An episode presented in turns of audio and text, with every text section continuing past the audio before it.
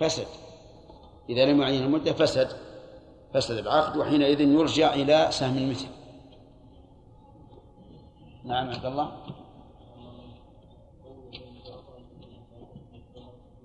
نعم. نعم.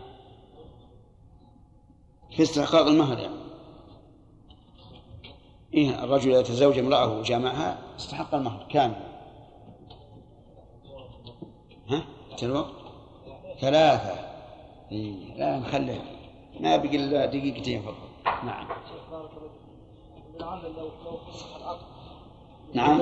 رد الباب قبل انتهى المدة أن العامل قسطه من من الأجرة لا أجرة المثل على كلام المؤلف. أجرة المثل. نعم. شيخ كيف نعطيه جزء من الثمرة وهو لم يعمل فيما يخرجه؟ لا ما نعطيه ما نعطيها الجزء المشروط. نعطيها النسبة. يعني مثلا إذا أخذها بالنصف وفي الأثناء فسخ رب الشجر فسخ. ولازم عمله هذا. يعطى بالنسبة. لأنك أنت وهو راض بالعوض. نعم الجزء الأخير من المدة هو الذي في مثل التلقيح ومثل الجد ومثل الخراب. إيه؟ هذا من عمل كبير. طيب. نعطيه لا ما يصح لأن ما هي إيجار هو ما التزم بأنها إيجار التزم بأنها مساقات وله سهم.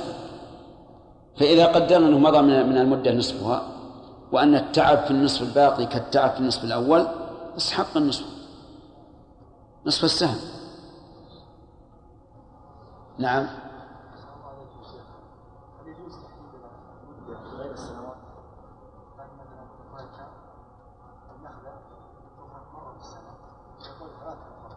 إيش؟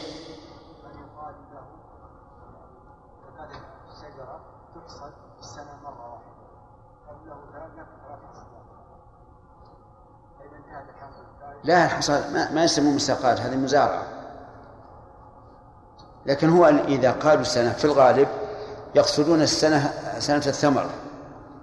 هي السنة الهلالية رب العالمين وصلى الله وسلم على عبده ورسوله نبينا محمد وعلى آله وصحابته أجمعين. قال ابن قدامة رحمه الله تعالى في باب المساقات من كتاب الكافي فصل وحكم المساقات والمزارعات حكم المضاربة في الجزء المشروط للعامل في كونه معلوما مشاعا من جميع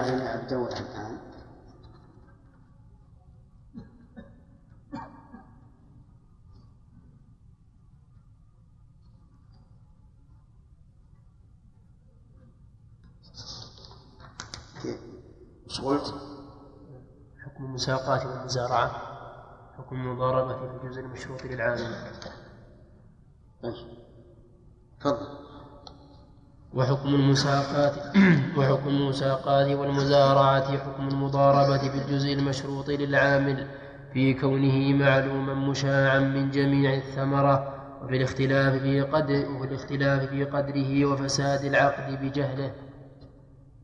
وشرط دراهم لأحدهما أو ثمر شجر معين أو عمل رب المال أو غلمانه وفي ملكه للنماء بالظهور لأنه عقد على العمل في مال ببعض نمائه فأشبه المضاربة. ولو ولو إذا لابد أن يكون معلوما. والثاني مشاعا. فلو قال ساقيتك على هذا النخل ببعض ثمره ثمره فالعقد غير صحيح للمجهول لأنه مجهول. ولو قال ساقيتك على هذا النخل على أن لك الشرقية ولي الغربي هذا غير صحيح. ليش؟ لأن لأنه قد يكون يثمر الشرقي كثيرا والغربي دون ذلك أو بالعكس. طيب لو قال ساقيتك على هذا البستان أو على هذا النخل على أن لك ما على السواق. تعرفون السواقي يعني ما يمر به الماء لم يصل. لأن القاعدة في المشاركة أن يكون الشريكان متساويين في المغنم والمغرم لأنهما إذا لم يتساويا صار من الميسر. فالقاعدة في جميع المشاركات. أنواع الشركات اللي مضت في الأموال وكذلك المشاركات في المساقات والمزارعة والمغارسة لا بد أن يشترك الطرفان في المغنم والمغنم. طيب. إذا شرط لأحدهما دراهم أو ثمر شجر معين ما يصل لا يصل لكن لو أن الفلاح استأجر لو أن الفلاح استأجر هذا البستان. تبارك يا جماعة. استأجر هذا البستان كل سنة بعشرة آلاف وصاحب البستان لن يتعرض لثمنه إطلاقا بل هو إجارة فهل يصح أو لا يصح؟ في هذا خلاف بين أهل العلم. فمنهم من قال إنه لا يصح. لأنه في الثمر بيع للثمرة قبل بدو صلاحها بل قبل ظهورها. وفي الزرع كذلك بيع قبل اشتراء حبه وقبل ظهورها أيضا فلا يصح. وقال بعضهم يكون مساقاة في الثمر وأجرة في الأرض. يعني الزرع اللي يزرع بالأرض لا بأس أن تؤجر الأرض من أجله. وأما النخل لا لا بد من مساقات. فقالوا إنه لا بد أن يساقي على النخل ويؤجر على الأرض. ما أدري فاهمين ولا واضح. هذا أنا مثلا عندي بستان. فيه نخل. وفيه يعني مكان ما فيه نخل يزرع زرع. إذا ساقيت الفلاح على النخل وقلت لك ثلث ثمر النخل وأما الأرض البيضاء فأنا أؤجرها عليك كل سنة عشرة آلاف. هذا يصح. لماذا؟ لأن المساقات على الشجر جائزة وتأجير الأرض لزرعها جائز. ولا إشكال فيه. لكن الإشكال فيما إذا أجرتك هذا البستان كله نخله وبياض أرضه بعشرة آلاف. هل يجوز أو لا يجوز؟ المذهب لا يجوز. المذهب لا يجوز. بل لابد أن يكون العقد على النخل عجيب يا جماعة. مساقات وعلى الأرض بأجرة أو مزارعة ما في مشكلة. واختار الشيخ الإسلام رحمه الله أن ذلك جائز. أي أن تأجير البستان كله نخله وأرضه جائز. فيقول خذ هذا البستان أجرتك إياه بعشرة آلاف ريال كل سنة أعطنا عشرة آلاف ريال والثمر لك. واستدل بتضمين أمير المؤمنين عمر بن الخطاب رضي الله عنه حديقة أسيد بن حضير. كان عليه دين. فضمنها بعض الناس على أن يسلم الآن كذا وكذا من الدراهم وتكون الحديقة له لمدة عشر سنوات مثلا أو خمس سنوات. يقول وعمر رضي الله عنه له سنة متبعة وفيها مصلحة. والآن بدأ أهل الأراضي والنخيل يعاملون هذه المعاملة. وإلا ففي السابق لا يمكن أن يعاملوا أن يعاملوا هذه المعاملة إلا مساقاة في الشجر في الثمر. نعم. وإجارة في الأرض أو مزارعة لكن الصواب ما ذهب إليه الشيخ رحمه الله وفيه مصلحة للطرفين. أما صاحب الأرض فيقول أنا آخذ دراهم بدون منازعة وبدون مراقبة للفلاح. وش أخذ من الأرض؟ وش ما أخذ؟ من الزرع؟ وش ما أخذ؟ وش أخذ من الثمر؟ وش ما أخذ؟ والفلاح أيضا يطمئن. يأخذ من الثمر ما شاء ويتصدق بما شاء ويهدي لمن شاء ولا شريك له في ذلك لأن صاحب الأرض قد إيش؟ قد أخذ الأجر. أي نعم. فقول المؤلف رحمه الله شرط دراهم هذا في في المساقات. أما لو أجره تأجيرا فقد عرفتم الخلاف في هذه المسألة. نعم. ولو شرط له ثمرة عام غير الذي عامله فيه لم يصح كما لو شرط للمضارب ربح, ربح غير مال المضاربة. وإن قال إن سقيته سيحا فلك الثلث وإن سقيته بنضح فلك النصف وإن زرعت في الأرض حنطة فلك النصف وإن زرعت شعيرا فلك الثلث لم يصح لأنه عقد على مجهول فلم يصح كبيعتين في بيعة. ويتخرج أن يصح بناء على قوله في الإجارة إن خطه روميا فلك درهم وإن خطه فارسيا فلك نصف درهم. على قوله يعني قول الإمام قول الإمام أحمد رحمه الله. والموفق رحمه الله من علماء المذهب الذين هم أهل التخريج والتوجيه. يعني أن قوله يعتبر وجها في المذهب وتخريجه يعتبر تخريجا على المذهب. وهذا التخريج هو الصواب. أي مانع أي جهل في هذا؟ يقول إن سقيته سيحا فلك الثلث وإن سقيته بنضح فلك النصف. واضح الفرق. السيح أنفع للثمر. أليس كذلك؟ أنفع للثمر. فيكون له الثلث ولصاحب الأرض أو البستان الثلثان وإن سقاه بنضح فلك النصف لأن السقي بالنضح يكون أصعب في الغالب فيحتاج العامل إلى زيادة السهم. كذلك أيضا إن زرعت حنطة فلك النصف وإن زرعت شعيرا فلك الثلث.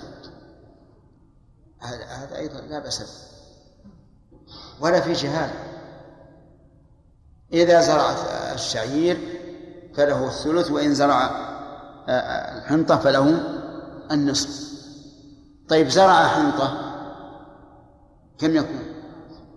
النصف.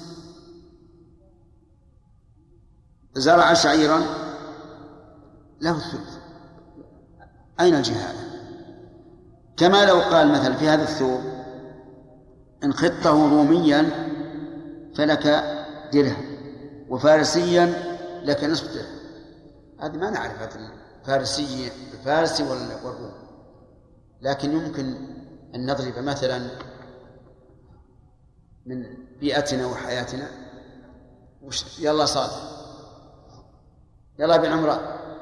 ابن هارون. الخط السعودي فلك النصف والخط قطري فلك النصف إيش؟ يقول مثل خط سعودي. أي.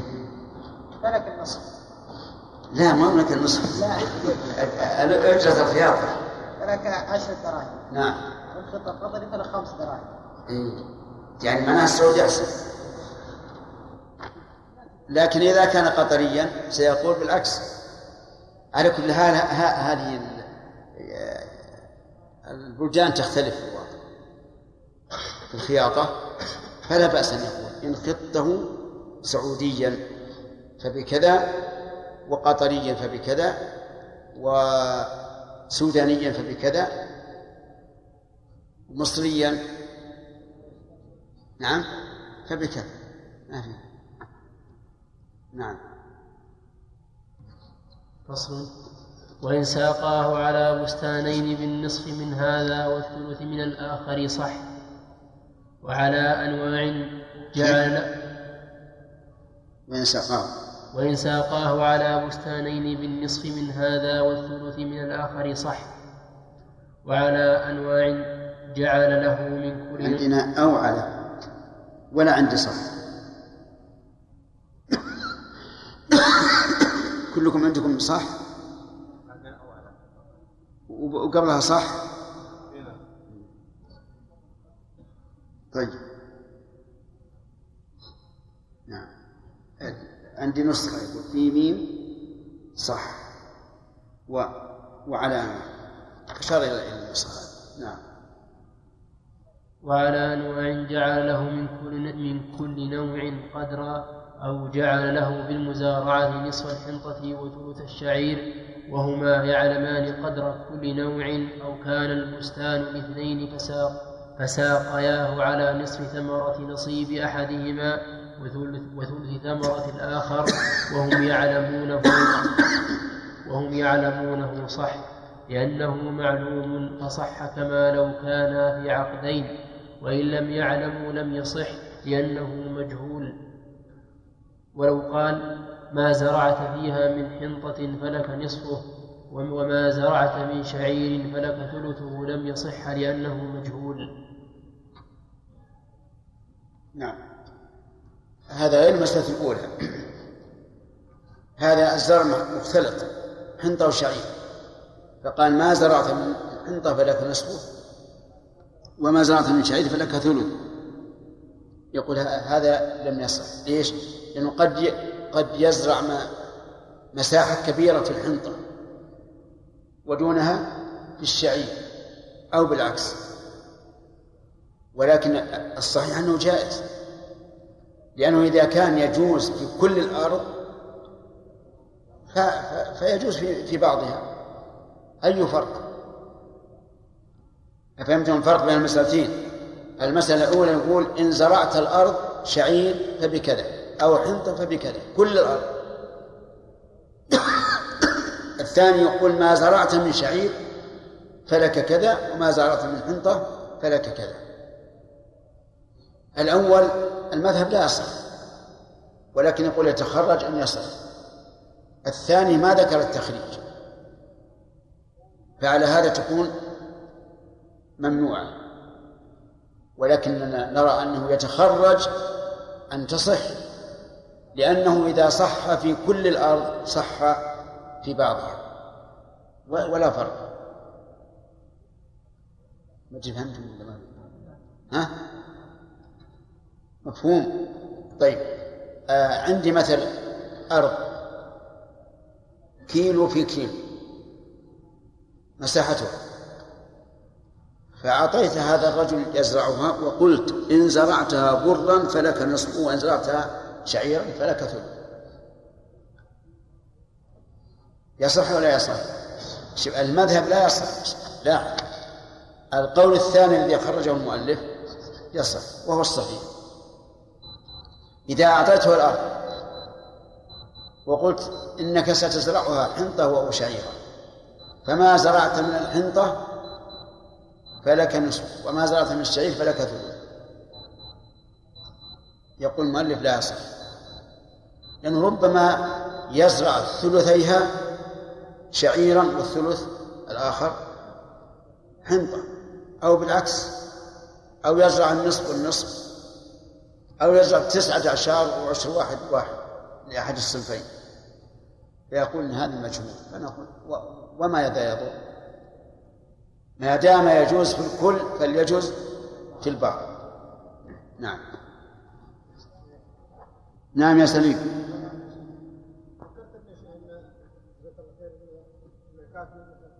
يصعب على بعض على بعض الطلاب المتقين وفيها فيها احكام والاحكام مفهومه بالفعل والمعنى نعم. وش الاقتراح؟ لا الاقتراح يا شيخ صعب علي الكلام الجامعة يصعب عليه. الآن تقول أنه ما يصعب الآن؟ الآن تقول مستحيل.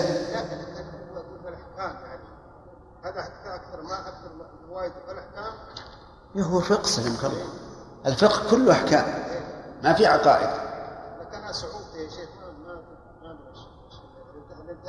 يعني أن أن أن ترى أنه صعب ولا سهل؟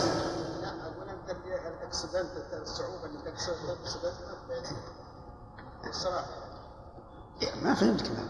أن ترى أنه سهل ولا صعب الآن؟ والله يا شيخ أنا أشوف الأحكام الأحكام مفهومة بالفعل والفعل الحمد لله. هذه اللي عندك الحمد لله.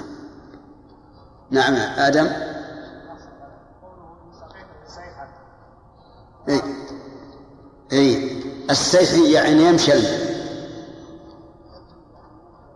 حتى يروى. يعني تخلي الساقي تصب بالحوض حتى يروى. إي نعم. والنضح يشبه الرش يعني شيء سهل لأنه إذا سقي نضحا سيزداد نماء الثمرة ونماء الشجرة أيضا. نعم.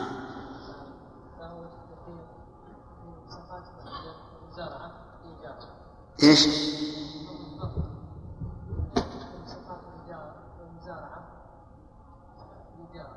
إيش؟ المساقات في الشجر. اي نعم. اي نعم. يفرقون بأن الثمرة نماء العمل وهي مجهولة. ما تدري يمكن يمكن نخرج النخلة تخرج عشرة قنوان أو ثمانية أو خمسة. لكن الزرع إذا استأجرها سواء زرعها أو جعلها معارض أو يعني يفعل بما شاء. طيب نعم. ها ثلاثة. أي طيب. نعم. وتناقض بلفظ المشاقات لأنه موضوعها ومما يؤدي معناه لأن المقصود المعنى ولا يثبت فيها خيار الشرط؟ وإن قلنا بالوجوهين قلنا بوجوهها لأنه لا يمكن رد المعقود عليه إذا فسح وفي خيار الجنس وجهان أحدهما لا يثبت لأنه لا يثبت فيها خيار الشرط فأشبه النكاح والثاني يثبت لأنه عقد لازم يقصد به المال فأشبه البيع.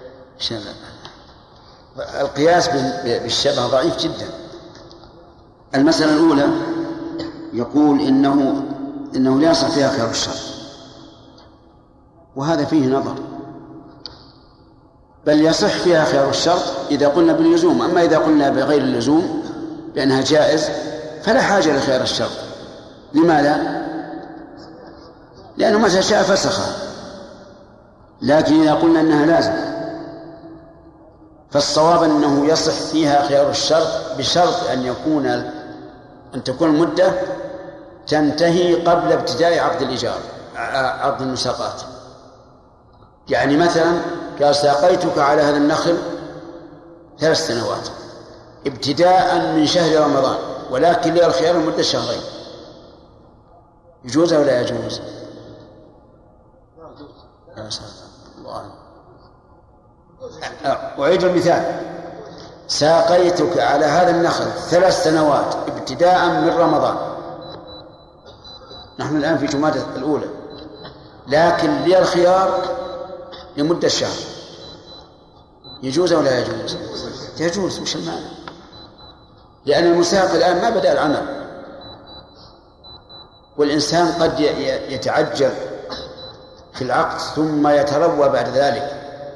نعم لو فرض إنه قال لي الخيار وابتداء المدة من من العقد هذه التي قد يتوقف فيها الإنسان مع أن الصواب أنها لا بأس بها حتى في خيار الشرط في الإيجار.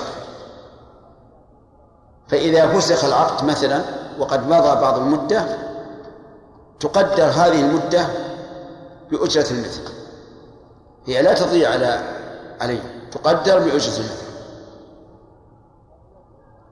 ومر عليكم أن الأصل في العقود والشروط إيش؟ الحل حتى يتبين التحريم. وخيار الشرط في إجارة لا تبتدئ إلا بعد انتهائه أو في مساقات لا لازمة لا تبتدئ إلا بعد انتهائه لا إشكال في جوازه ولا في مضرة على أحد. نعم إذا كانت الإجارة تبتدئ من العقد وفيه شرط لمدة شهر. إذا فسخ العقد ماذا يكون الشهر هذا؟ نقول إذا فسخ العقد الحمد لله بطلت الإجارة ونرجع إلى أجرة المثل.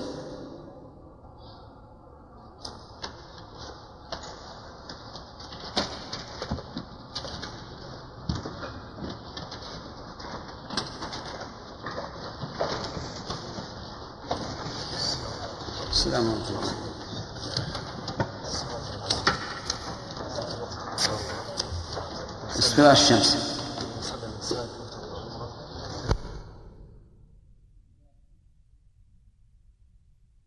محمد وعلى آله وصحابته أجمعين قال ابن قدامة رحمه الله تعالى في باب المساقات من كتاب الكافي فصل. ويلزم العامل ما فيه صلاح الثمرة وزيادتها كالحرث زيادتها. بالرفع زيادتها؟ لا قرأناه. كملنا كملنا بارك الله فيك.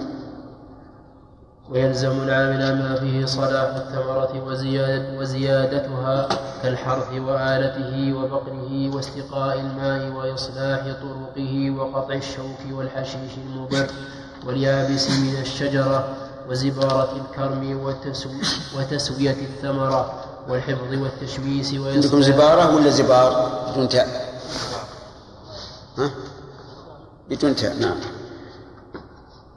ينتهى هي زبار الكرم يعني العنب وهو قطع الأغصان الرديئة التي ليس فيها خير. وزبار الكرم والكرم وتسوية الثمرة والحفظ والتشميس وإصلاح موضعه ونحو ذلك. وعلى رب المال ما فيه حفظ الأصل. إذا ما يتعلق بالثمرة على من؟ على العامل. كل ما يتعلق بالثمرة من أولها إلى آخرها فهو على العامل. أي نعم. وعلى رب المال ما فيه حفظ الأصل كسد الحيطان وإنشاء الأنهار وحفر وحفر وحفر بئر الماء وعمل الدولاب وعمل الدولاب ونصبه. قال أصحابنا والثور الذي الدولاب شرحناه لكم سابقا من حفظه؟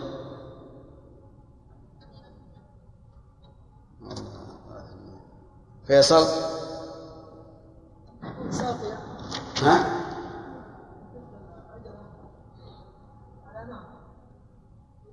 على بئر ها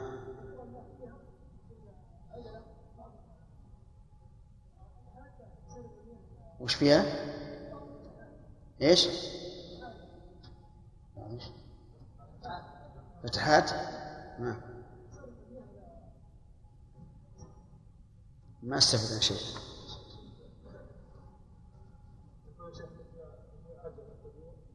فيها الماء إيش؟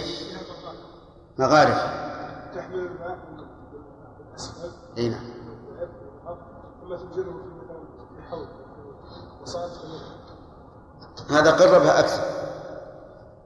يعني أنا شاهدتها عندنا في هنا في عنيزة عبارة عن يدور بها بغل أو حمار وهي عبارة عن عجلة لها أسنان. وعجلة أخرى لها أسنان هذه هكذا والثانية بالعكس. نعم؟ اي أي نعم رأسية وأفقية ه- هذه ال- ال- الأخرى فيها من جنس الجنزير. تعرفون الجنزير؟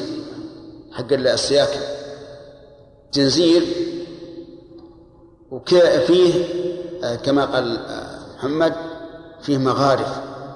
لكن ما هي زي مغارف الطعام الصغيرة أقلاص كبيرة. تدور حتى تصل إلى الماء. إذا وصلت إلى- الماء غرفت ثم صبت في الحوض اللي آه، اللي على الأرض. ثم ترجع إلى البير منقلبة. أليس كذلك؟ ترجع منقلبة ثم إذا وصلت الماء است- اعتدلت وغرفت. هذه هذا الدولاب نعم. نعم؟ موجودة الآن؟ وين فيه؟ ها؟ في مصر؟ إذا لابد تع- تعطي الإخوان تذاكر إلى مصر يشاهدون نعم أهون نعم قال أصحابنا والثور الذي يديره لأن هذا يراد لحفظ الأصل ولهذا من أراد إنشاء بستان عمل هذا كله وقيل ما يتكرر في كل عام فعلى العامل وما لا يتكرر فعلى رب المال والجذاذ والحصاد واللقاط على العامل نص عليه لأن النبي صلى الله عليه وسلم دفع خيبر إلى يهود على أن يعملوها من أموالهم. وهذا من العم وهذا من العمل مما لا مما لا تستغني عنه الثمرة أشبه التشميس. وعنه أن الجداد عليهما لأنه يوجد بعد تكامل النماء وهذا ينتقض بالتشميس. صحيح. التشميس على من؟ على العامل فإذا كان التشميس على العامل وهو بعد الجداد فالجداد من باب أولى نعم فإن فإن شرط على أحدهما ما يلزم شرط. الآخر عندك شروط؟ ما شرط ما شرط الظاهر إن شرط أحسن من شرط. إن عندنا بالفتح.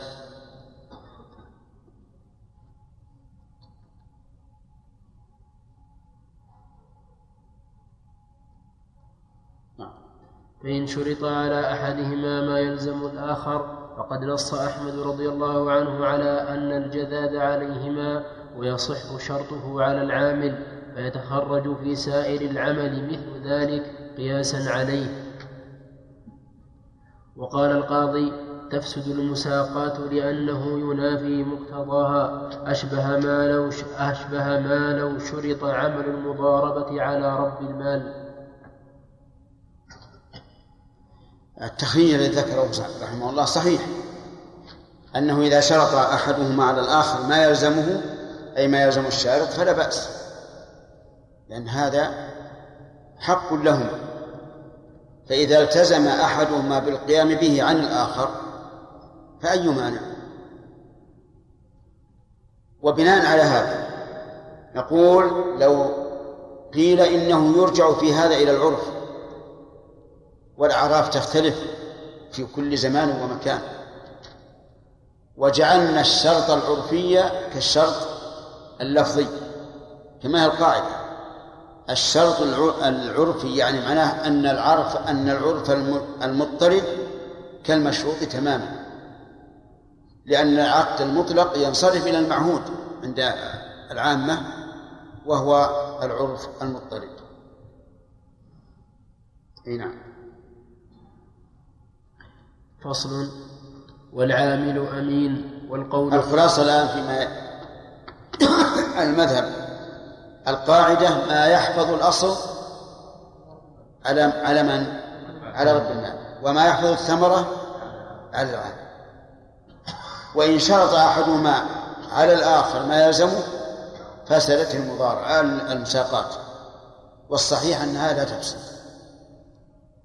وأن المرجع في ذلك إلى العرف. فصل والعامل أمين والقول قوله فيما يدعيه من تلف أو يدع أو يدعى عليه من خيانة أو تفريط. وإن ثبتت خيانته ضم إليه من يشرف عليه. ولا تزال يده عن تزال. ولا تزال يده عن العمل لأنه يمكن استيفاؤه منه. فإن لم ينحفظ استؤجر من ماله من يعمل عنه. لأنه تعذر استيفاؤه منه فاستوفي بغيره وإن هرب فهو كفسخه إن قلنا بج إن قلنا بجواز العقد وإن قلنا بلزومه رفع الأمر إلى الحاكم ليستأجر من ماله من يعمل عنه فإن لم يكن له مال اقترض عليه فإن لم يجد فللمالك عندنا الفسخ اقترض. يعني الحاكم أحسن اللي عندنا أحسن. فإن لم يكن له مال اقترض عليه فإن لم يجد فللمالك الفسخ لأنه تعذر استيفاء المعقود عليه فأشبه ما لو استأجر دارا فتعذر تسليمها.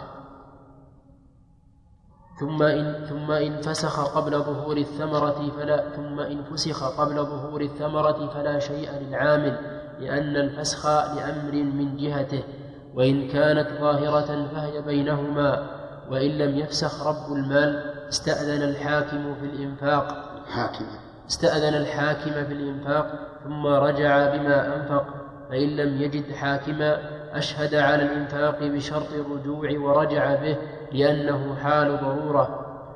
وإن أنفق من غير استئذان الحاكم مع إمكانه ففي الرجوع وجهان بناء على قضاء دينه بغير إذنه.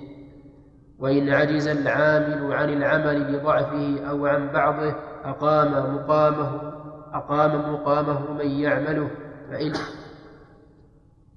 من يعمله فإن لم يفعل فهو كهربه. وإن استأذن رب وإن استأذن رب المال فأنفق بإذنه رجع. عندي استأذنه نسخة استأذن. الظاهر أحسن. استأذن أحسن. بدون ضمير. جعلوها نسخة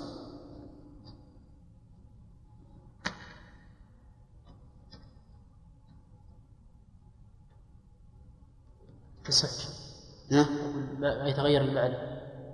وإن استأذنه رب المال فأنفق بإذنه.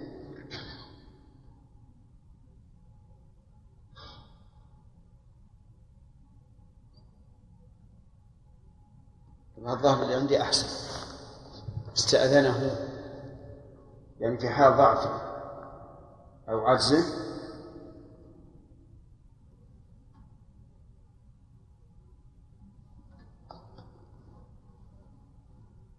يكون المعنى أن استأذن رب المال العامل فأنفق بإذنه أي بإذن العامل رجع عليه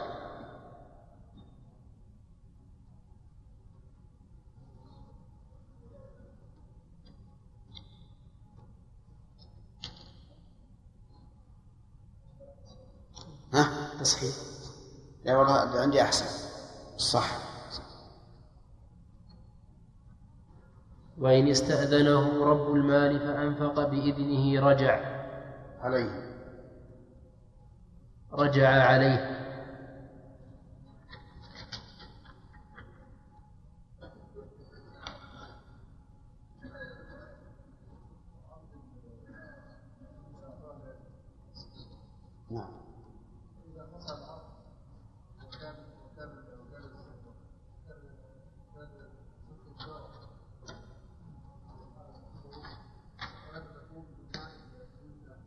كيف؟ يشرب بدون آن بعروقه بعروقه. يشرب بعروقه ولا سيحمل النهر؟ نعم.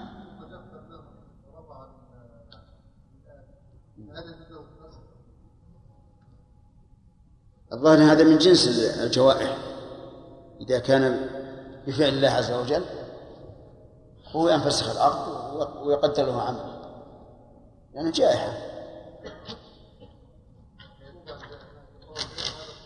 ما في شك جائحة إذا انقطع ماء الأرض جائحة عظيمة لأن لا يمكن أن يمضي في المساقات.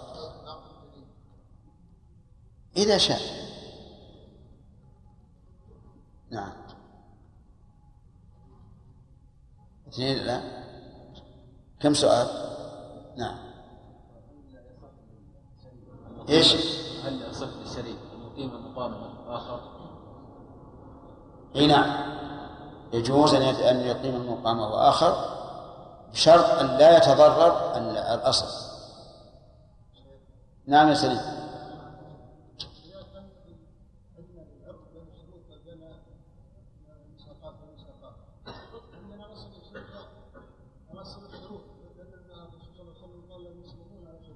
نعم.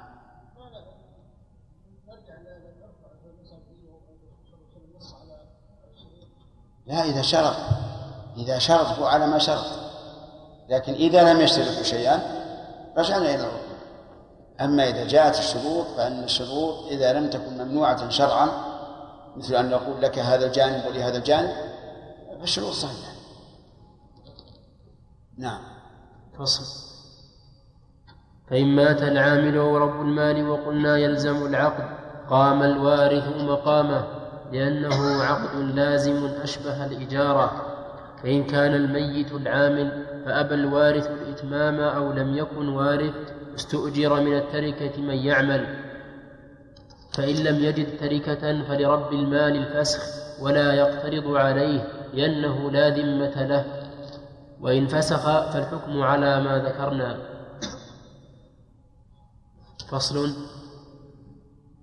فإن بان فإن بان الشجر مستحقا رجع العامل على من على من ساقاه بالأجرة لأنه لم لأنه لم يسلم له العوض فرجع على من استأجره. فإن كانت الثمرة باقية أخذها هذه المسألة سبق نظيرها لأنه إذا بان الشجر مستحقا يعني لغير لغير الذي ساق فمعلوم أن أن صاحبه سيأخذه. فبماذا يرجع العامل؟ المذهب يرجع بالأجرة لأن العقد تبين بطلانه فيرجع إلى الأجرة يأخذها من الذي سقاه والصحيح كما سبق أنه يضرب له سهم سهم المثل من المساقات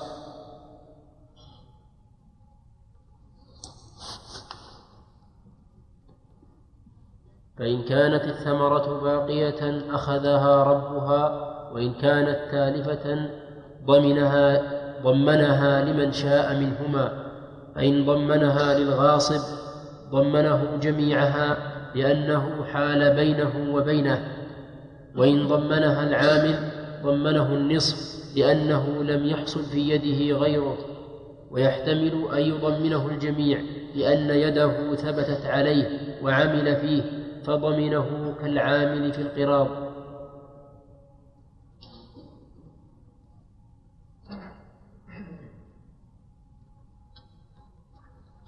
ومعنى ضمنه النصف يعني أخذ أخذ الثمر كله فيكون الفائت على العامل هو هو النصف.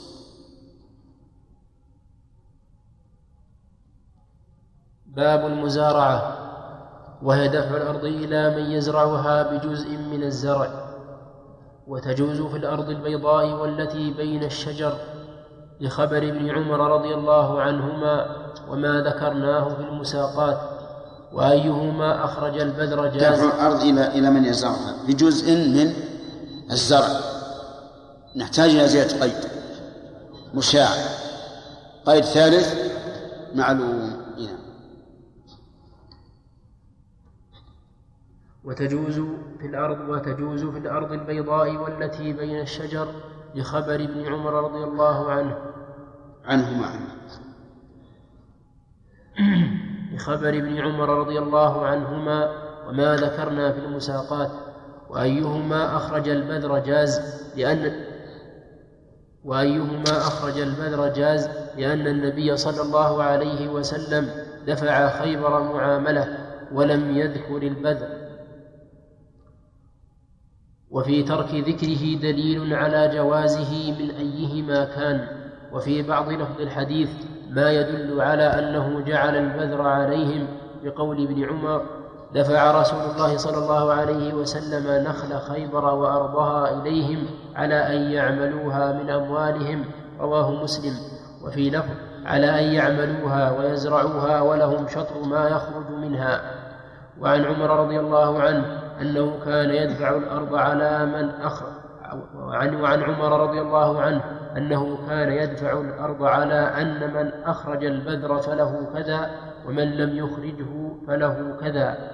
وظاهر كلام أحمد رضي الله عنه أنه يشترط كون البذر من رب الأرض لأنه عقد يشترك رب المال والع... يشترك رب المال والعامل في نمائه فوجب أن يكون رأس المال من رب المال فوجب أن يكون رأس المال من رب المال كالمساقات والمضاربة. فإن شرطه على العامل أو شرط أن يأخذ رب الأرض مثل بذره ويقتسم ما بقي فسدت المضاربة. ومتى فسدت؟ فز نعم فسدت المزارعة. ومتى فسدت؟ فالزرع لصاحب البذر لأنه من عين ماله. ولصاحبه عليه أجرة مثله. الصحيح أنه لا يشترط أن يكون البذر من رب الأرض. لأنه لا دليل على هذا والقياس لا يصح بل ظاهر الدليل أنه ليس على صاحب الأرض. لأن النبي صلى الله عليه وعلى آله وسلم عامل أهل خيبر بشطر ما يخرج منها من ثمر أو زرع. ولم يذكر أن الحب الذي يزرع يكون عليه. وهذا هو الذي عليه العمل. ولهذا قال صاحب زاد المستقنع ولا يشترط كون البذر والغراس من رب الأرض وعليه عمل الناس.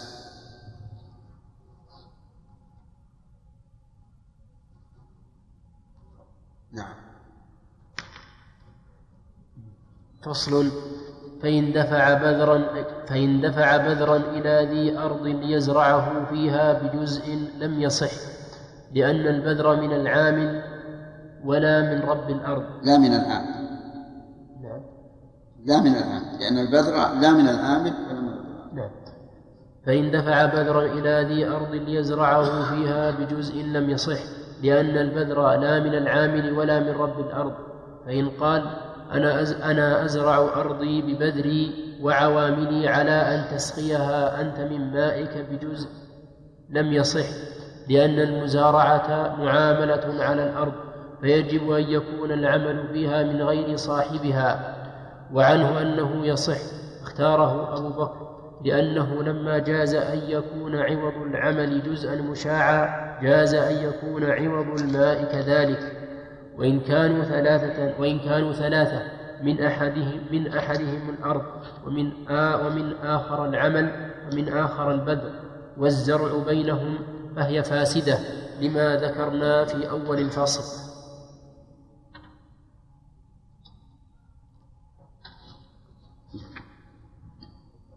واضح ما فصل فإن قال أجرتك هذه الأرض. بالنسبة لما قبل الفصل انتهى قال ولصاحبه عليه أجرة مثل. ما الذي صححناه؟ أن له سهم المثل. لأن العقد وقع على هذا. وقع على المشاركة. فإذا وقع على المشاركة يجب أن يعطى آه، آه، مثل نصيب من من شارك.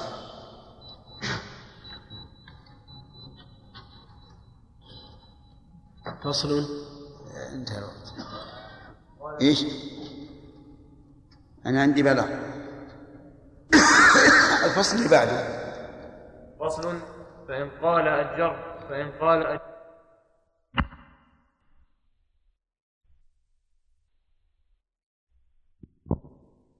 قال أحمد رضي الله عنه يصح. واختلف أصحابه فقال أكثرهم هي إجارة صحيحة. يشترط, يشترط فيها شروط الإجارة. وقال أبو الخطاب هذه مزارعة بلفظ الإجارة فيشترط فيها شروط المزارعة وحكمها حكمها لأن النبي صلى الله عليه وسلم قال وحكمها وحكمها حكمها بالرفع كل سنتين وحكمها حكمها لأن النبي صلى الله عليه وسلم قال من كانت له أرض فليزرعها أو فليزرعها. أو فليزرعها أخاه ولا يكريها بثلث ولا بربع ولا بطعام مسمى. رواه أبو داود. ولأن هذا مجهول فلم يجز. فلم يجز أن يكون عوضا في الإجارة كثلث نماء أرض أخرى. فصل. وحكم المزارعة حكم المساقات فيما ذكرناه من الجواز لو قال لو قال آجرتك هذه هذه الأرض بمئة صاع. يصح ولا يصح؟ يصح. لأن مئة صاع خارج عن عن الزرع الذي زرعه في الأرض.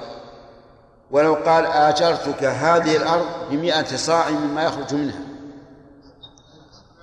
لا يصح. لأن هذا معلوم في في شرط المزارعة وهو لا يصح. طيب.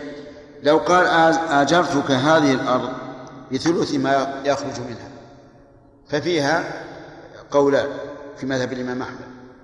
قول إنه يصح وهو نص الإمام أحمد رحمه الله والقول الثاني أنه لا يصح. ولكن الأصل في المعاملات الحل إلا ما قام الدليل على تحريمه بنص أو قياس صحيح. نعم.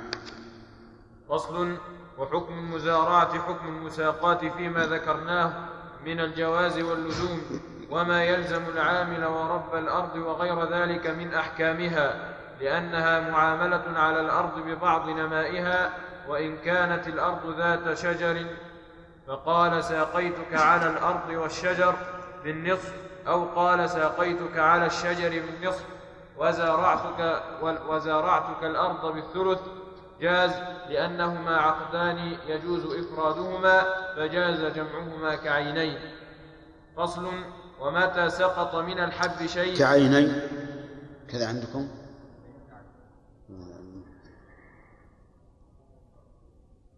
ظهر الأول أصح كعينين.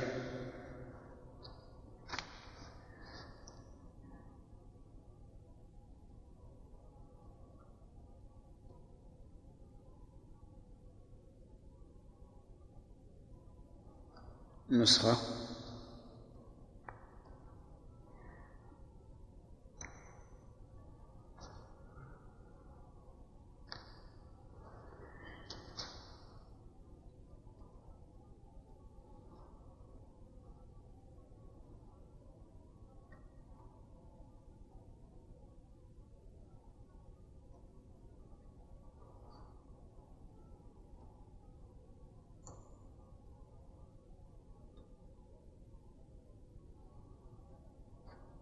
نعم سم.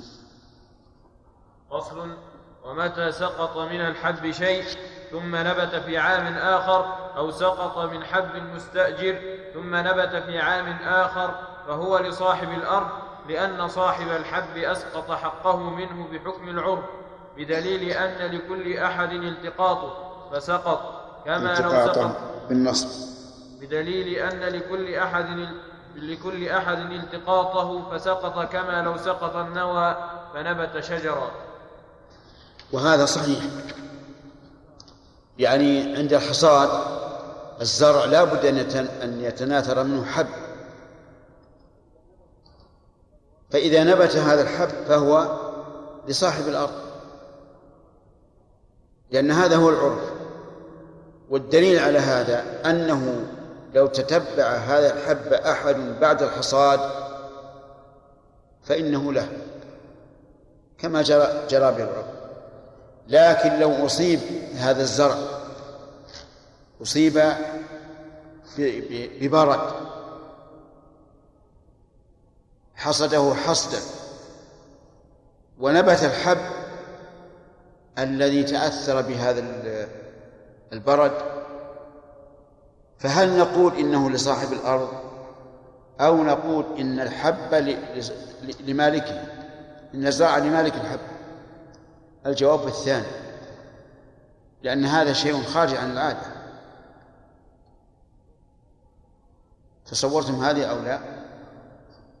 هذا إنسان زرع هذه الأرض ثم أرسل الله عليها بردا. البرد معروف ولا غير معروف؟ طيب. كسر الزرع واختلط الحب بالطين.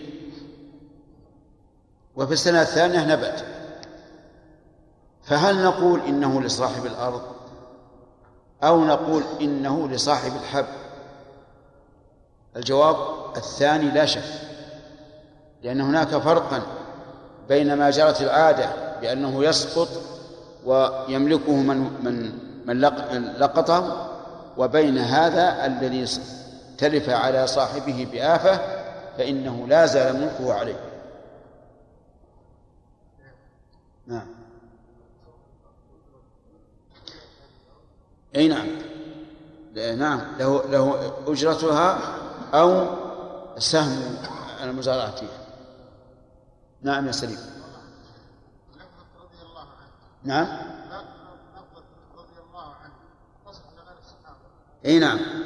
لكن جرى العاده والعرف أن رضي الله عنه للصحابة ومن بعدهم رحمه الله إلا أنهم يتساهلون بالنسبة للأئمة فيقولون الإمام أحمد رضي الله عنه الإمام الشافعي رضي الله عنه مالك رضي الله عنه أبو حنيفة رضي الله عنه لكن العرف المضطرد أن هذا الدعاء رضي الله عنه للصحابة فقط. لا الأحسن رحمه الله. الأحسن. رحمه كتاب الإجارة وهي بيع المنافع وهي جائزة في الجملة لقول الله تعالى قالت إحداهما يا أبت استأجره. الآيتين وقول الله تعالى فإن أرضعن لكم فآتوهن أجورهن ولأن الحاجة إلى المنافع كالحاجة إلى الأعيان. فلما جاز عقد البيع على الأعيان وجب أن يجوز عقد الإجارة على المنافع وينعقد بلفظ الإجارة استدل المؤلف رحمه الله على جواز الإجارة بالنص والقياس. النص صريح. قالت إحداهما يا أبت استأجر فإن طعن لكم فآتوهن أجورهم. القياس أن الناس في حاجة إلى المنافع كما هم في حاجة إلى الأعيان. فلما جاز بيع الأعيان وجب أن يجوز بيع بيع المنافع. نعم. وينعقد بلفظ الإجارة تنعقد تنعقد. وتنعقد بالتاء. وتنعقد بلفظ الإجارة والكري لأنه لفظ موضوع لها. وفي لفظ البيع وجهان أحدهما ينعقد به لأنها تنعقد. تنعقد. أحدهما تنعقد به لأنها صنف منه والثاني لا تنعقد به لأنها تخالفه في الاسم والحكم فلم تنعقد بلفظه كالنكاح فصل. والظاهر أنها تصح بلفظ البيع إذا أضيف إلى المنافع بأن يقول بعت عليك منافع هذا البيت لمدة سنة. فما ما المانع من أن نقول إنها إجارة صحيحة؟ فإن هذا هو الذي يدل عليها هذا العقد نعم. فصل وتجوز وتجوز إجارة الضر الضئر للرضاع. الظئري الضئر للرضاع للر- والراعي للرضع للرضع فتح الله وتجوز إجارة الضئر للرضاع والراعي لراعية الغنم لرعاية الغنم للآيتين. واستئجار الدليل. الآيتين هما قال إحداهما يا أبت استأجره هذا لرعي الغنم. فإن رضعن لكم فآتوهن أجورهن. هذا للضئر الضئر يعني المرضعة. يعني يجوز أن نستأجر امرأة ترضع هذا الطفل. لأن الله نص على الجواز قال الله تبارك وتعالى وإن تعاسرتم فسترضع له أخرى. سبحان الله.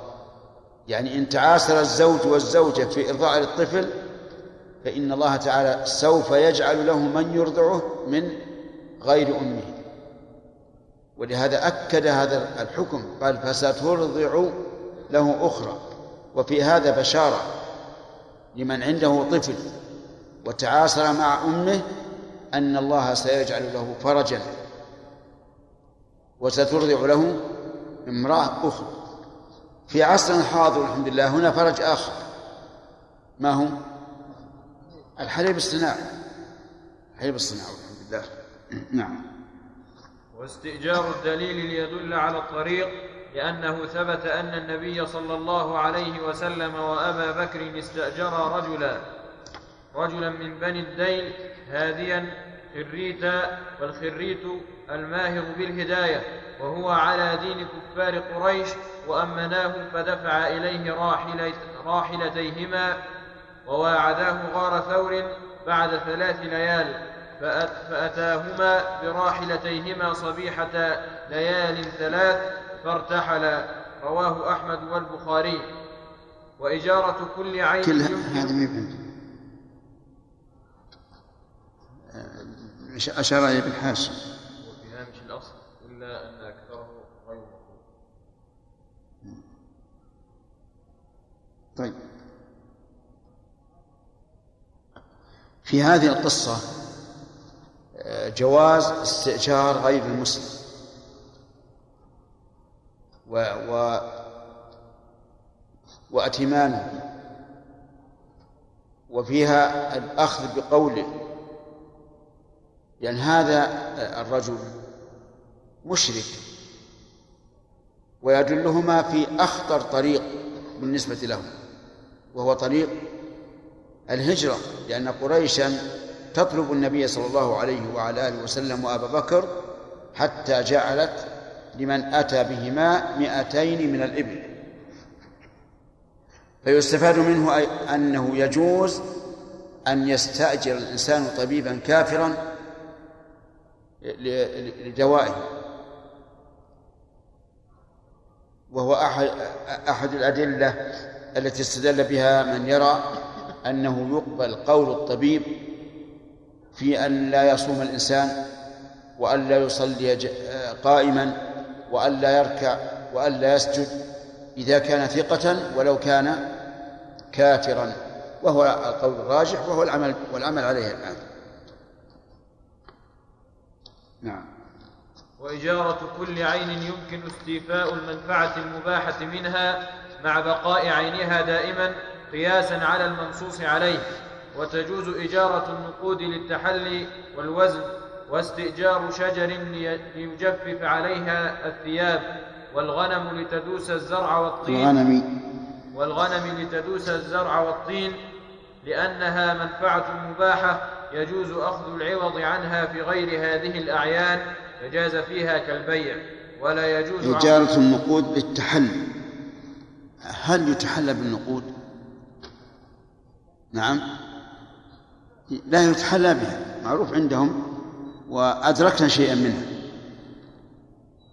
تنظم آه، الدنانير في قلادة وتحلى بها المرأة. وقوله وكذلك أيضا للوزن. هل يوزن بها النقود؟ نعم. نعم يوزن بها. وأدركنا هذا أيضا.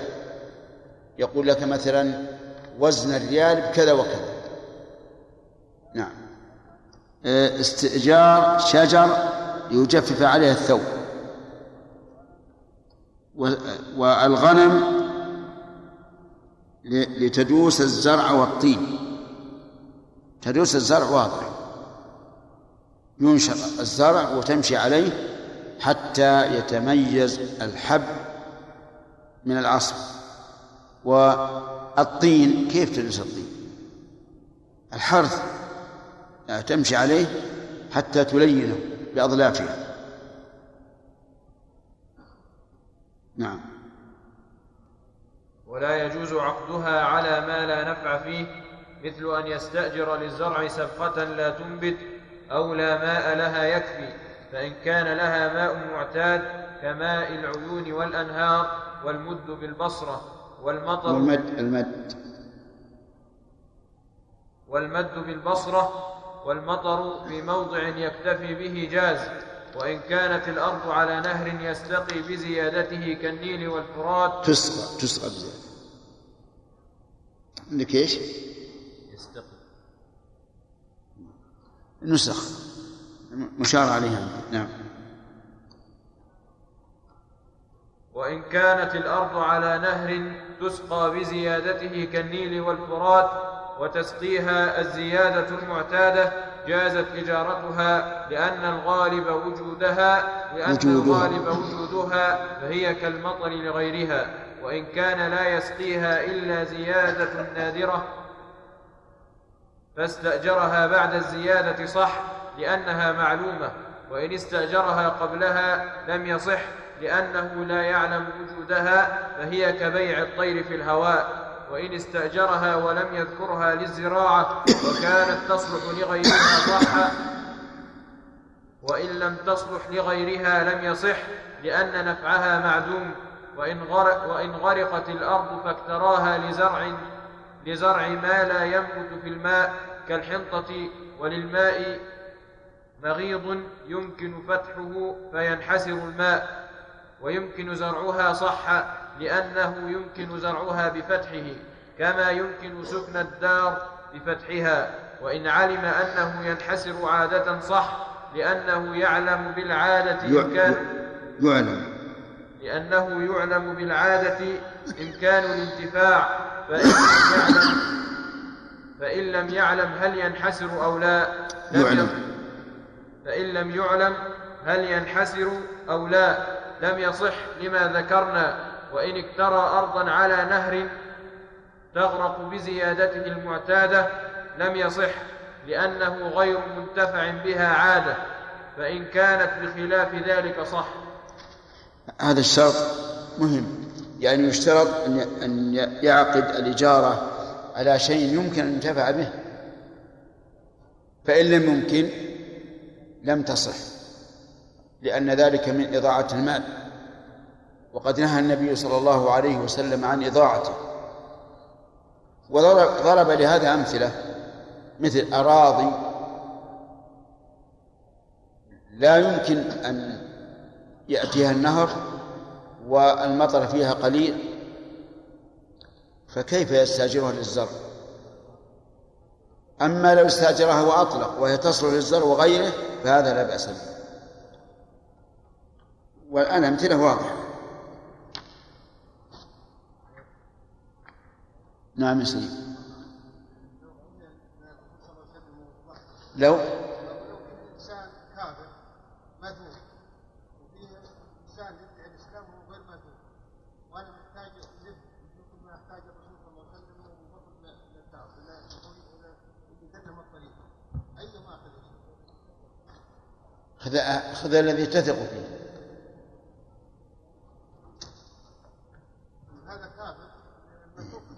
ما دام انك تثق به وذاك ما تثق أنت تريد مصلحة نفسك. نعم.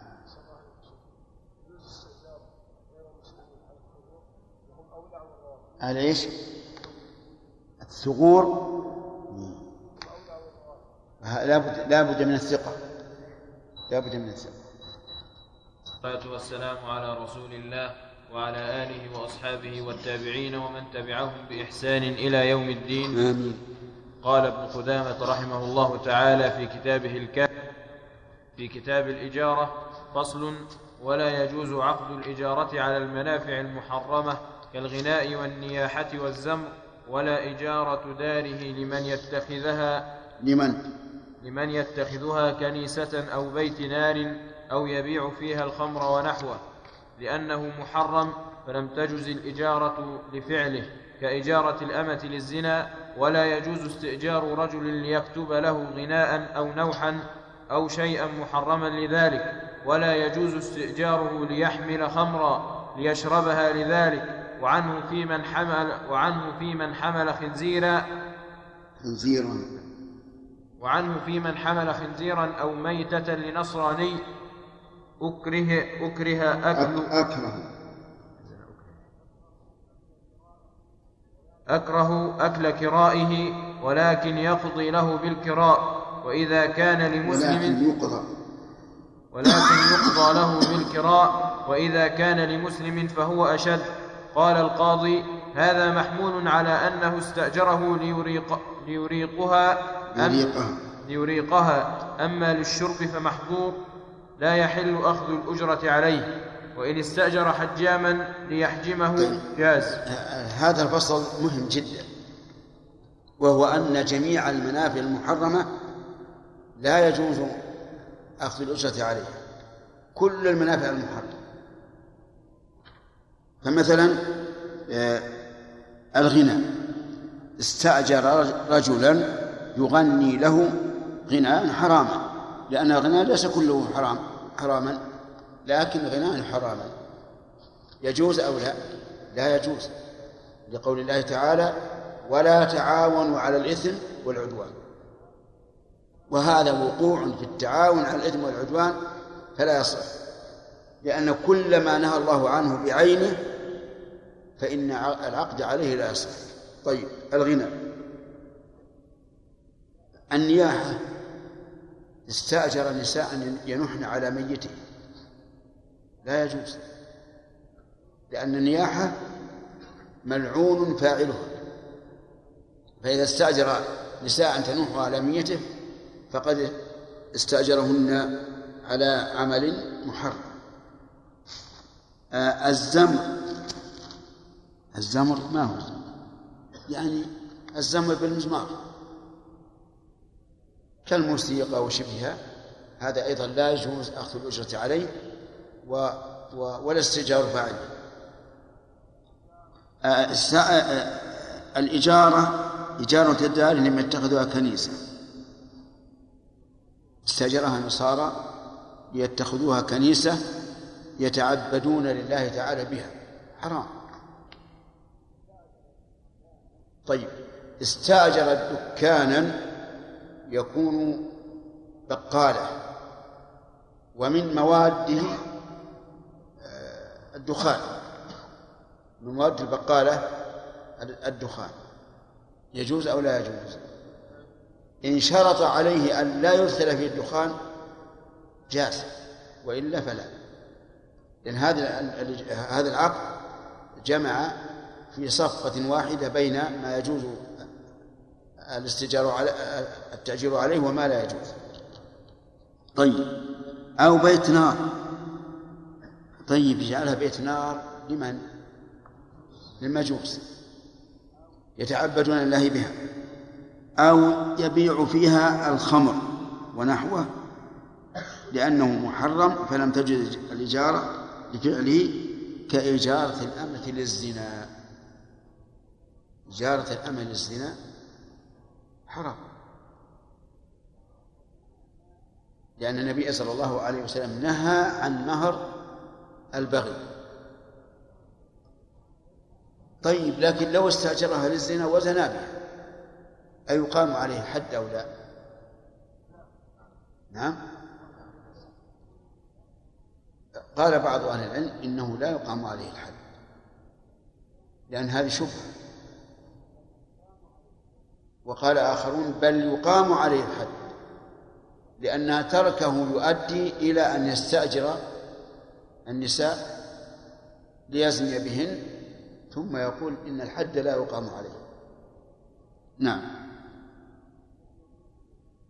وإن استأجر حجاما دقيقة هل يجوز أن يقول ولا يجوز جارها ليحمل خمرا يشتريها لذلك يشتريها لذلك أي لهذه العلة. قال وعنه في من حمل خنزيرا أو ميتة لنصراني أكره أكل كرائه ولكن يقضى له بالكراء الإمام أحمد رحمه الله إذا قال أكره فهو للتحريم لأنه من ورعه ليس يطلق التحريم إلا ما ثبت إلا فيما ثبت تحريمه وأما ما لم يثبت فإنه يتورع فيقول أكره. وعلى هذا فهو يرى تحريم أكل الكراء لمن حمل خنزيرا أو ميتة لنصراني يرى أن أكله حرام. ولكن هل يرى أن لا يؤخذ من النصراني شيء لا يرى أنه يقضى له بالكرة لأننا لو قلنا الكرة عليك حرام كسب النصراني وجمع بين العوض والمعوض لأن متاعه حمل والأجرة أسقطناها عنه. وعلى هذا يعني نوجه الرواية هذه بأنه يأخذ الكرى من النصراني ولكن لا يأكله بل يتصدق به. بل يتصدق وهذا التوجيه متمش على القواعد الشرعية. لأن تركه للنصراني جمع له بين العوض والمعوض ثم فيه سخرية. أن يلعب على ذقون المسلمين. فنأخذ منه الأجرة ونقول للرجل الذي حمل الخنزير والميتة نقول هذا لا يطيب لك لأنه عوض منفعة محرمة وعليك أن تتصدق به. عليك أن تتصدق به. وكذلك أيضا الربا. إنسان مثلا أعطى البنك مئة ألف. على أن يعطيه في كل مئة عشرة ريالات. ثم تاب. هل نقول لا تأخذ من البنك شيئا؟ لا ما نقول. نقول خذ منه لكن لا تحل لك. لا تحل لك. ليش؟ لأنها أخذت بكسب محرم بل تصدق بها. وهل تقبل هل تقبل الصدقة من الربا؟ نعم تقبل للتخلص منها منه لكن تقبل التوبة لا الصدقة لأنها لم يملكه حتى يتصدق به. المهم أن هذه الرواية أحمد متمشية تماما على القواعد الشرعية. طيب حمل خمرا لشخص. يجوز أو لا يجوز؟ ما يجوز. لكن يقضى له بالأجرة ويتصدق بها. نعم. وإن استأجر حجاج أما حمل القاضي رحمه الله هذا على أنه استأجره ليريقها هذا إذا استأجره ليريقها فإن الإجارة صحيحة والأجرة حلال لأن هذا استئجار لإتلافها لا لشربها. فهذا الحمل من القاضي عفى الله عنه بعيد جدا من مراد الإمام أحمد رحمه الله. نعم. وإن استأجر حجاما ليحجمه جاز لأن النبي صلى الله عليه وسلم حجمه أبو طيبة فأعطاه أجره صاعين من طعام وكلم مواليه فخففوا عنه. متفق عليه. قال ابن عباس ولو كان حراما ما أعطاه أجره ويكره للحر أكل أجره لقول النبي صلى الله عليه وسلم كسب الحجام خبيث وقال أطعمه عبدك أو خادمك وقال القاضي لا تصح إجارته لهذا الحديث. نعم. الحجام إيش معناه؟ الذي يقيس الأحجام إيش الأحجام؟ من يعرف يرفع يده؟ نعم. أنت. هذا نوع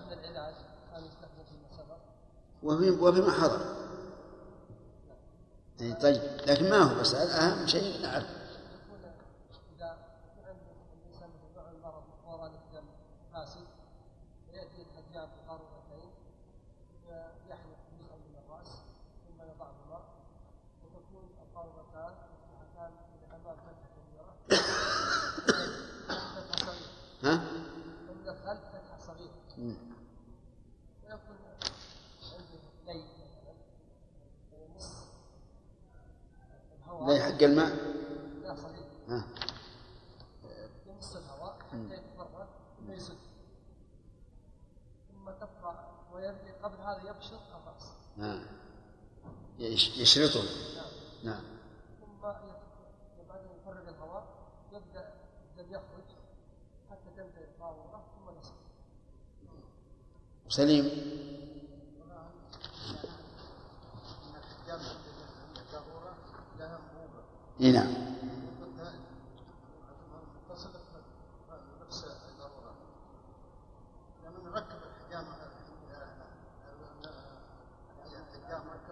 هذه الانسان بعد ما بعد ما يشطب ال- الرأس.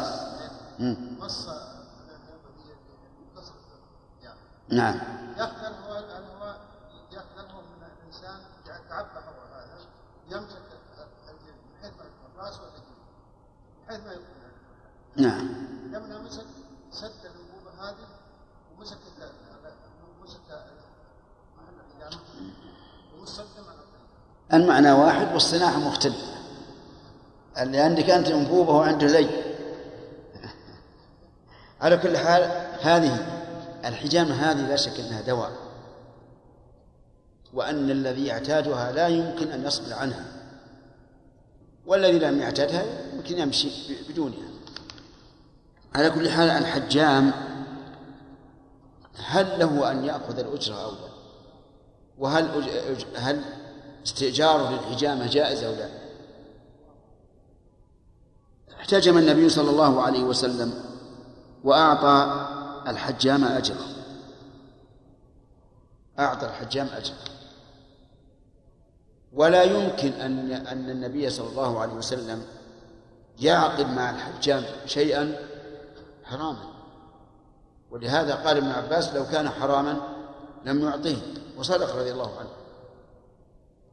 ولكن كيف نجمع بين هذا الحديث الصحيح المتفق عليه وبين قول النبي صلى الله عليه وسلم كسب الحجام خبيث؟ جمع بينهم بينهما بعض العلماء وقال إن هنا جهتين. جهة للمحجوب. فهذا لا لا يكره ولا يحرم عليه أن يعطي الحجام أجرا.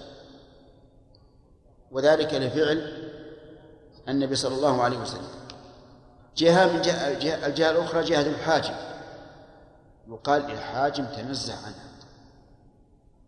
تنزه عنها لأنها لأن أخذ الأجرة عليها دناءة. ولذلك أكثر من يكون حجامون أكثر ما يكون حجامون من الأرقة وأشباهه فينبغي أن يترفع الإنسان عنه ويكون المراد بالخبث في قول كسب الحجام خبيث ليس الخبث الشرعي لكنه الخبث العرفي. أو أو الخبث بمعنى الردي. كما قال الله تعالى ولا تيمموا الخبيث منه تنفقون. وهذا جمع حسن. وهو أحسن مما لو جمع الإنسان بينهما فقال كسب الحجام إذا تعينت عليه الحجامة خبيث. لأنه إذا تعينت عليه الحجامة يجب عليه إنقاذ المريض. أحيانا الذين اعتادوا الحجامة يغشاهم الدم حتى يسقطوا صرعا. وحينئذ يتعين على العارف بالحجامة أن يحجمهم.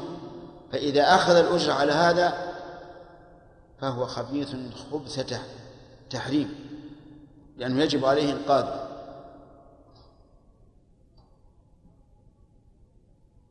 نعم. فصل. نعم لا يحيى. جامع دواء لماذا لا يكون يعني الحاج كالطبيب؟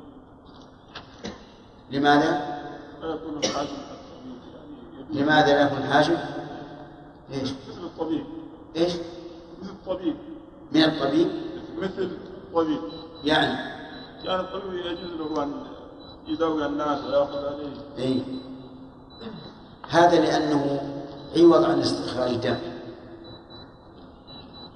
عوض عن استخراج الدم. ثم كما قلت لك إنه خبيث عرفا ودناء. ما هو خبيث شرعا؟ وحينئذ لا نقول إنه مكروه. نعم.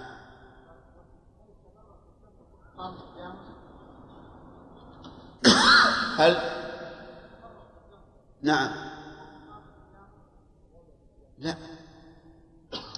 التبرع بالدم من الإحسان إلى إلى الغير. فإذا وجدنا مريضا محتاجا إلى إلى دم ووجدنا شخصا آخر يوافق دمه دم هذا المريض لأن الدماء تختلف. وقال الأطباء إن أخذ الدم من هذا وإعطاءه المريض لا يضر الصحيح شيئا فإنه لا شك من الإحسان أن يتبرع الإنسان. نعم.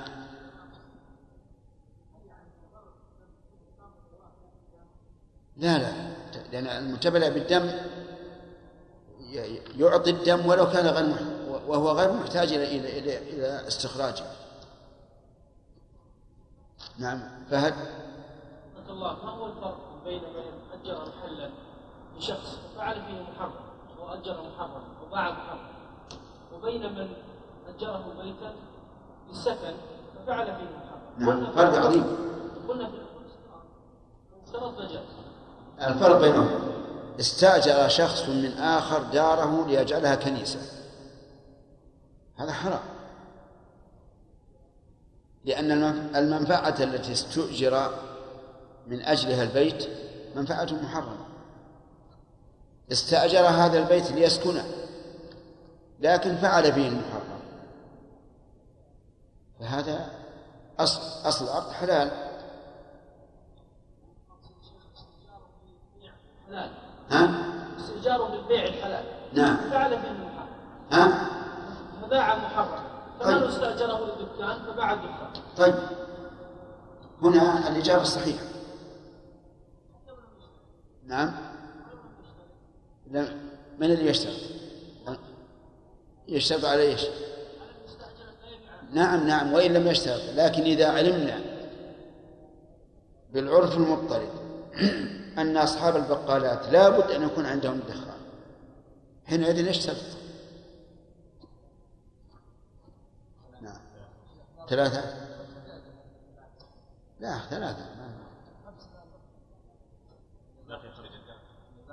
النظام ما في دقائق يا شيخ. ما يخلي يقرا سطر وعطنا حيلة. يلا. نعم. فصل. ولا تجوز إجارة الفحل للاضطراب لما روى ابن عمر أن النبي صلى الله عليه وسلم عندنا عندنا رضي الله عنه.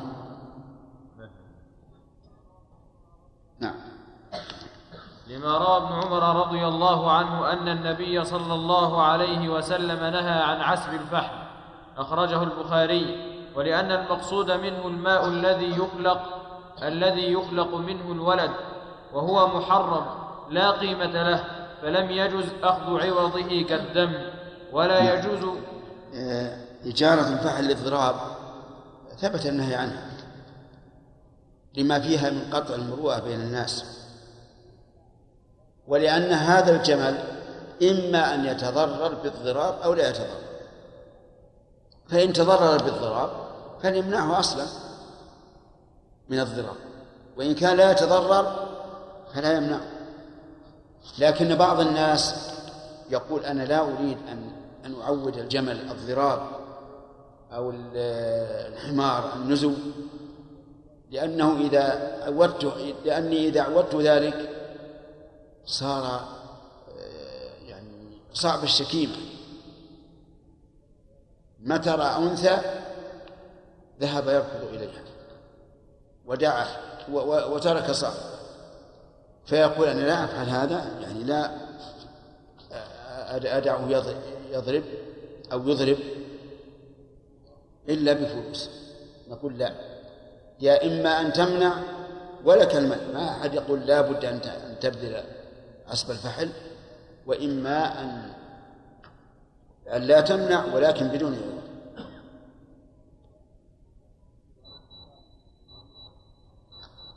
يجب عليه إنقاذ المريض. أحيانا الذين اعتادوا الحجامة يغشاهم الدم حتى يسقطوا صرعى وحينئذ يتعين على العارف بالحجامة أن يحجمهم فإذا أخذ الأجرة على هذا فهو خبيث خبث تحريم لأنه يجب عليه إنقاذه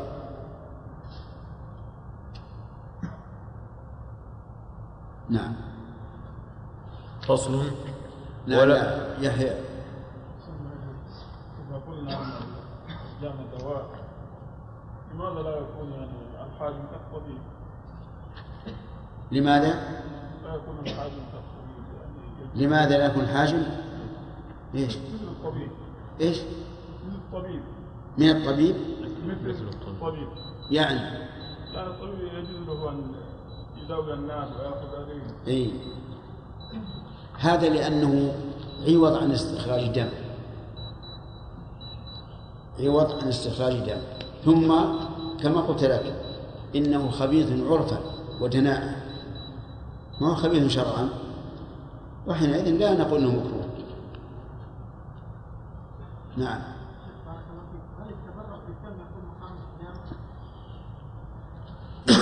هل؟ نعم؟ لا. التبرع بالدم من الإحسان إلى الغير. فإذا وجدنا مريضا محتاجا إلى إلى دم. ووجدنا شخصا آخر يوافق دمه دم هذا المريض لأن الدماء تختلف. وقال الأطباء إن أخذ الدم من هذا وإعطاءه المريض لا يضر الصحيح شيئا فإنه لا شك من الإحسان أن يتبرع الإنسان. نعم هل يعني التبرع بالدم يكون مقابل ثواب لا لا. لأن المتبرع بالدم يعطي الدم ولو كان غير وهو غير محتاج إلى إلى إلى, استخراجه. نعم.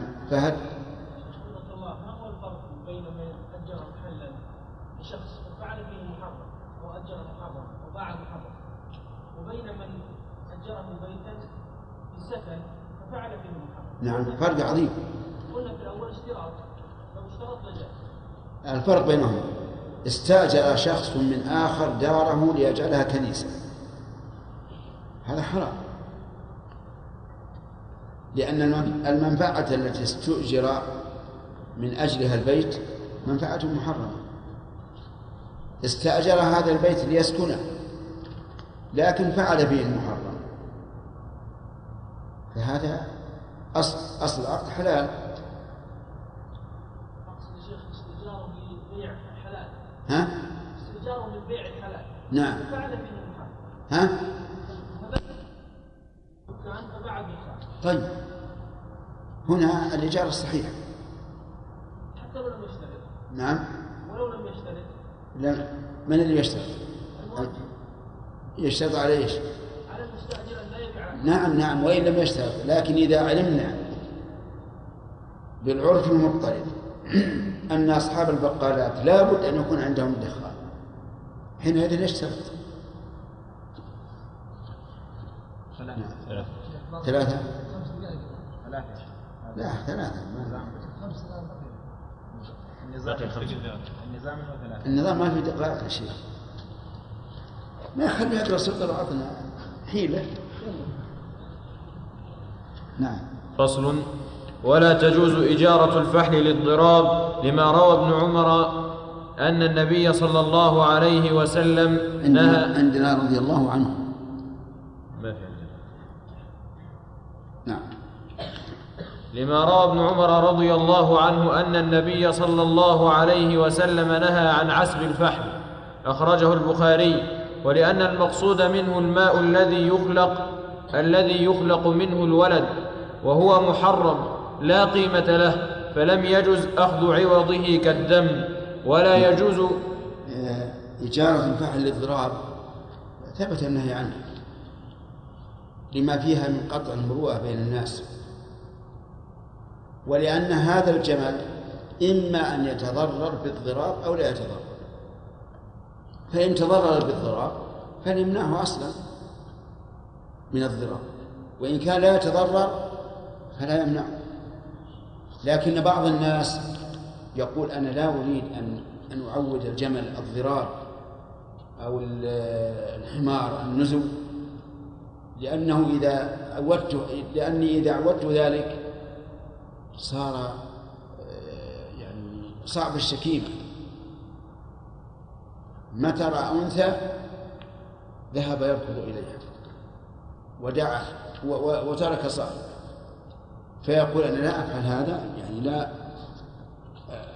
أدعه يض- يضرب أو يضرب إلا بفلوس. نقول لا. يا إما أن تمنع ولك المال. ما أحد يقول لا بد أن تبذل عصب الفحل وإما أن أن لا تمنع ولكن بدون عوض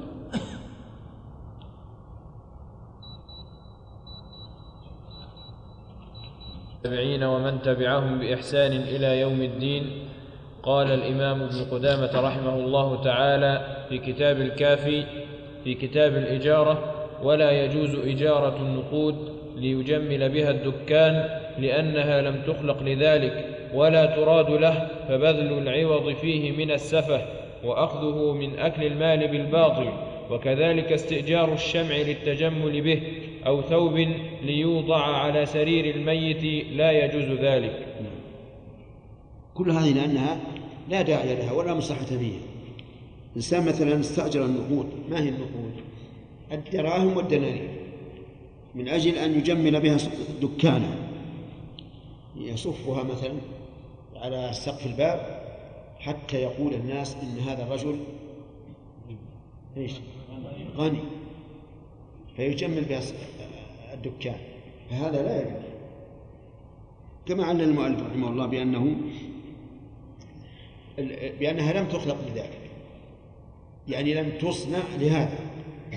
إنما صنعت للتداول والوصول بها إلى الحاجات من بيع أو إيجار.